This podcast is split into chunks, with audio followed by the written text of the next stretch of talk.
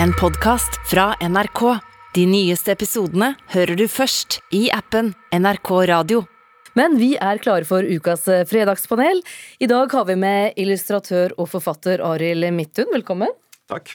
Redaktør for forskning.no, Nina Kristiansen, velkommen. Takk for det. Og journalist Hilde Sandvik, med fra Maastricht i Nederland. Velkommen til deg også. Jo, tusen takk. Vi går jo nå inn i en helg eh, hvor det meste er åpent og det meste er blitt greit å gjøre, men, men dansing det, det, skal vi være forsiktige med. Kommer det til å prege din helg, Nina Kristiansen? Nei, jeg er veldig sjelden går ut og danser, men jeg skal gå ut og spise og drikke vin og gjøre alle de tinga der. Støtte næringslivet og, med, og ha det gøy. Arild? Jeg sitter hjemme og skisser opp eh, årets Donald-julehefte. Så eh, det blir vel enda Jeg er inne i mitt hva blir nå, begynnelsen på mitt sjette år uten en fridag. Så nei. Så Arild Midthun, du har ikke tid? Eh, nei, jeg kommer til å være ved tegnebordet. Hilde Sandvik, hva med deg? Nei, jeg bryr meg jo ikke mer om meteren her jeg er i Maastricht. Nei, for den er ikke så viktig der? Nei, eller det vil si, det, er jo ikke, det har jo vært ganske stengt, eh, stengt her òg, men nå er, er, ting åpent. da. Uh, og, men altså, jeg har ikke hatt eh, jeg har ikke vært ute og dansa sånn ennå, må jeg innrømme. Vi får se om det blir, da. Men uh, Fredagspanelet skal ikke dreie seg bare om dans. Det skal uh, nå handle om lys, eller lyssetting, for i Stavanger der syns flere nå at det blir for mye lys i byen, og de vil stoppe det som de kaller for visuell forurensning, eller lysforurensning. Byantikvaren i Stavanger er en av dem som tar til orde for en visuell avrusing. Her blir en jo nærmest eh, blenda når en går forbi. Vi trenger en slags uh, lysavrusing, tror jeg. Det blir veldig mye unødvendig lys, og det tror jeg ikke er bra for verken folk eller fe eller naturen. Ja, Det sa eh, byantikvar Hanne Winsholt, og spørsmålet er dermed har vi blitt for glad i å lyse opp eh, mørketid? Ja. Ja. Hilde Sandvik? Ja, ja, vi har jo det. Og du drar litt på det? Nei, ikke på noen måte. Jeg kommer fra en plass som ligger fire kilometer fra naboen. Så Det betyr at jeg vet hvordan en himmel ser ut når det er helt mørkt, f.eks. Eh, og jeg tenker at Det er en erfaring og en kunnskap som mennesker har hatt med seg, og som er i ferd med å glemme. Og Jeg tror det gjør noe med oss. Jeg er faktisk helt enig med byantikvaren. Ja, jeg støtter det helt og fullt. Eh, vi, vi, bor, eh, vi har akkurat flyttet til et hus som ligger rett ved en skog og en golfbane. Dvs. Si lite forurensning fra lyset. Så jeg har jo gjenoppdaget min barndoms stjernehimmel. Og det er så viktig at på den ene siden at vi har stjernen og månen der. at Står du lenge nok og ser opp på stjernehimmelen, så ser du at stjernene beveger seg. Men det er jo ikke det som skjer. Det er jo vi. Vi står på en planet som roterer og beveger seg gjennom universet. Og det er en fantastisk opplevelse, og den opplevelsen stjeler vi fra ja, de unge spesielt. Altså, de, de, kommer sannsynligvis ikke til å oppleve dette i det hele tatt. Nina Kristiansen? Jeg har jo dykka litt ned i lysforurensningsforskningen, for det er faktisk et fagfelt. Og det er sånn nå, helt enig med deg, altså en tredjedel av menneskeheten ser ikke lenger menneske, nei, Melkeveien. Vi mm. ser ikke stjernehimmelen. Ja. I Europa så er det 60% som ikke ser stjernehimmelen. Så det er jo klart at ja, det er altfor mye uh, lysforurensning. Men det, lys er jo en forutsetning også for at vi kan fungere, at vi kan jobbe om kvelden, at vi kan jobbe om natta, at det liksom samfunnet går rundt. Ja, for det blir veldig mørkt på veiene ja, og på stiene uten lys. Nemlig. Og lys er også trygghet, særlig i byene. At det er opplyst gjør også gater og veier og steder trygge for alle. Så eh, vi må ha lys, og vi må ha masse lys i byene i hvert fall, for å få det til å gå rundt. Men det må kanskje være en plan, og det er derfor jeg svarte ja. fordi at det, det må være en plan, og ikke bare liksom glorete, stygge unødvendige lysreklamer eller belysninger av kontorbygg som ikke trenger å være belyst. Altså, det må liksom Ja. Sitter jeg her nå etterlyser regulering? Ja, jeg gjør kanskje det. Men det er jo også noe med det at nå har vi vært mye hjemme, da. Inne sammen, alle sammen. Har vi glemt det der med å, med å være ute, og, og, så blir dette litt massivt og, og stort når det kommer mot oss? Mye inntrykk. Ja, men altså, jeg har hytte i skauen uh, utafor Hokksund. Uh, uten strøm. Og, og, du må ha begge deler, tror jeg. Altså, det er helt fantastisk å være der og liksom la mørket senke seg og oppleve ordentlig mørke. Og så må man ha liksom byen og livet og alle folka og de opplyste stedene. Så jeg tenker liksom, hvis vi får en balanse, da, så funker vi godt. Jeg vil gjerne skyte inn noe som er på P2 på Kulturkanalen, hvis det går an. Oh, ja. eh, fordi det er jo skrevet også i det siste ganske mange nydelige bøker, bl.a. Sigrid Sandberg sin bok om mørket, som handler også om, om mørkeredsel og om fem dager på Finse og, og, det å være under den stjernehimmelen. Og Peter Englund, den svenske forfatteren, har skrevet et essay om jus og mørke. Og Han sier at uten mørke, det totale mørket, så kan vi heller ikke forstå det førindustrielle mennesket. Um, og jeg, ja, jeg, jeg, har veldig stor eh, respekt for, og, og, og jeg vet jo at lys f.eks. skaper trygghet i byer, og at mørke ikke gjør det. Eh, samtidig så er det et eller annet at vi rigger samfunnet vårt, og det har vi jo sett i koronapandemien. Vi rigger samfunnet vårt etter de reddeste blant oss. Eh, og det tenker jeg av og til at vi i mye større grad bør utfordre, eh, rett og slett. Fordi at vi sier vi, vi på et på en måte òg så, så, legger vi inn eh, en mulig risiko, en mulig angst, egentlig til og med uten å, å analysere det helt på forhånd. Vi eh, trenger eh, så, altså både mørket og lyset, tror jeg vi kan konkludere ja, med her da. For vi må nemlig videre. Denne uken så har vi nemlig også hørt om eh, det som kalles for kryptokunst, eller NFT-kunst. Og det er et fenomen som for mange kan være litt vanskelig å, å få hånden om. Men det er altså et uh, kunstverk på nettet. og i går så hørte vi om eh, en 23-åring her i Nyhetsmorgen som har solgt kryptokunst for flere titalls millioner kroner, og samtidig så mener andre at kunstfenomenet bare er, er et blaff.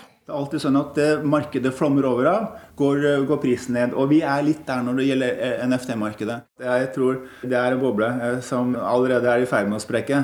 Ja, Det mener konsulent i Norges Bank, Lasse Mehold. Han har altså ikke tro på denne kunsten. Men eh, så er spørsmålet hva med dere, da? Er det noe å samle på? Ja. Nei. Hilde Tandvik? Ja. Ok. Nei?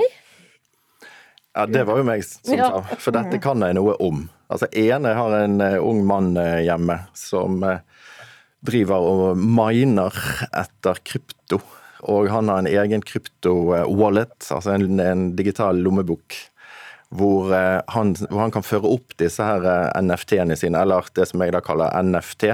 Noe forbannet tull. Eh, altså, Poenget her er det at jeg som kunstner sant? Jeg er jo medlem av, av eh, ja, Tegnerforbundet, kunstnerorganisasjoner, så jeg er jo kunstner. Jeg har veldig respekt for de som lager digital kunst, og som på en eller annen måte må få betalt for det. Så det er ikke det vi egentlig diskuterer. Vi diskuterer ikke kryptokunst som sådan, altså det, eller digital kunst. Det som diskuteres nå, det er denne boblen som vi er godt inni. Okay? Så min sønn har trukket seg helt ut av disse tingene. Han, han begynner å selge krypto nå. Altså Krypto er det er monopolpengene for de som har vært med å spille monopol, og så får du utdelt så og så mange papirlapper. Hva disse papirlappene faktisk er verd, er ingen som vet. Så det man gjør da, er det at inne i monopolspillet så kan man kjøpe hus og hoteller. Det som kommer til å skje med denne boblen, det er at nå får folk melding om at disse husene og hotellene, de brenner. Dette er en boble som kommer til å eksplodere. Hilde Sandvik, eh, ja, svarte du? Ja, det er, det er, mulig at eh, akkurat den kunstboblen eller det en ser nå, er en boble. Men det jeg tenker er at, eh, at kunstnere, eh, som Arild vet veldig godt, er at kunstnere er avantgarde. Og NFT og den kunsten vi ser i dag, det er mulig at det blir noe helt annet. og denne apekatten som, som en snakket om i fjor, som gikk for enorme summer. Altså Den type prosjekter det er helt i forkant. Men selve NFT og sånn som, en, eh, sånn som det bruker, den blokkjeden det er basert på, eh, det kommer til å overleve i veldig veldig mange formater. Eh, fordi det gjør at du kan ha et eierskap som er det digitale avtrykket ditt, og som kan brukes på veldig veldig mange måter. Langt utover kunsten. Så det er på en måte bare en sånn test for hva blokkjeder, som det heter, eh, kan brukes til. Det er Nina. et, et, Men Dina Kristiansen, du, du har også nikker her. Ja, fordi at eh, jeg tenker hver gang det kommer en ny kunstform, eh, så sier noen det er en blaff. ikke sant? Altså Motstanden mot nye kunstformer den er der bestandig. ikke sant? Altså Husker du installasjoner kom, videokunst kom. Tegneserier var jo ikke inne i det gode selskap, sånn at hver gang det kommer noe nytt, så sier noen dette er blaff, det kommer til å gå over. Og her har man funnet en måte å betale for, en type kunst som er digital. Den kommer til å bli, og folk kommer til å forarge seg over den en stund til, helt til den også er innafor. Men, men det er jo ikke det som har dukket opp i media. Media er jo denne stigningen i pris. Ja, og men ikke sant, det skjer jo også det- hver det Det er mange aspekter Ja. med kryptokunst ja, som kan diskuteres lenge. Vi eh, skal nå eh, til eh, skoleverket, for i dag så er det sånn at ja, mange elever i grunnskolen og på videregående skoler har sett på det som gode nyheter, det de fikk i starten av uka. Jeg syns det er bra, fordi det er ganske mye stress med å eh, få bra karakterer. Hadde vi fått eksamen, så hadde det vært dumt, for at vi har ikke vært forberedt nok til å kunne klare å gjennomføre. Det er selvfølgelig eksamen det er snakk om, for eh, Utdanningsdirektoratet anbefalte at eksamen i grunnskolen og videregående skole avlyses til våren. Og Begrunnelsen det er bl.a. at det er store forskjeller i skolehverdagen, og at dette kan slå urettferdig ut, det sier direktoratet. Og alle vi som sitter her, vi har garantert følt på eh, eksamensnerver, kanskje opptil flere ganger. Spørsmålet nå det er går ungdommene glipp av noe viktig når eksamen også i år trolig da blir avlyst? Nei. Nei. Hilde Sandvik? Nei, jeg må bare si nei. Og her kjenner jeg at jeg blir jo først og fremst mor, da. Eh, mer enn en noe annet. Fordi jeg tenker at det er veldig mange nå Jeg ser den debatten som pågår i Aftenposten, der, eh, der det argumenteres nå veldig for at eh, elevene skal ha eksamen. Eh, og jeg, jeg, sånn rent faglig så kan det godt være mange gode elementer som, og, som bør på bord osv. Men det jeg ser, er en generasjon som altså har tapt så ekstremt mye. Og hvis de skal måles på den, akkurat den samme måten som generasjonene kom, som kom før, eh, så er det rett og slett, for å bruke et ord jeg aldri bruker, det er urettferdig. Eh, og, og, og, og jeg tenker at vi må begynne å ta inn over oss på en mye mer fundamental måte hva nedstengingen og hva korona har betydd for de som har gått på videregående skole. Jeg har ei datter nå som har hatt to koronaår på videregående skole. Det er, ikke, det er rett og slett ganske hjerteskjærende, og jeg blir, eh, jeg blir emosjonell og rørt og ganske trist og forbanna når jeg snakker om det. Ja, jeg, støtter det jo fullstendig der, Hilde. Altså, jeg har også to ungdommer eh, hjemme, mer eller mindre. Eh, og det, det er så ja, nettopp. Urettferdig er faktisk det rette ordet. Altså Bare det at man skal inn etter en koronaperiode som vi har vært gjennom nå, forhåpentligvis på vei ut av.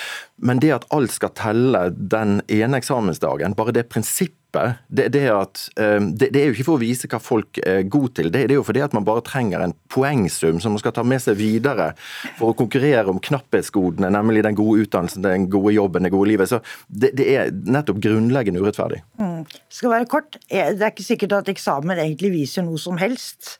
Det har ikke noe med liksom arbeidslivet å gjøre.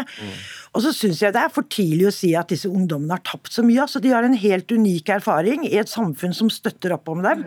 Eh, Og så kan de da bli målt på andre måter. Og det gjør det jo. 80% av karakterene deres er jo målt da på andre måter. Ja, det er. Rørende enighet om dette temaet, i hvert fall i, i panelet vårt denne fredagen. Og det var det vi rakk. God helg til dere alle sammen eh, litt senere på dagen, kanskje. Arild Midthun, Nina Kristiansen og Hilde Sandvik, eh, takk for at dere var med i fredagspanelet vårt. Du har hørt en podkast fra NRK. De nyeste episodene og alle radiokanalene hører du i appen NRK Radio.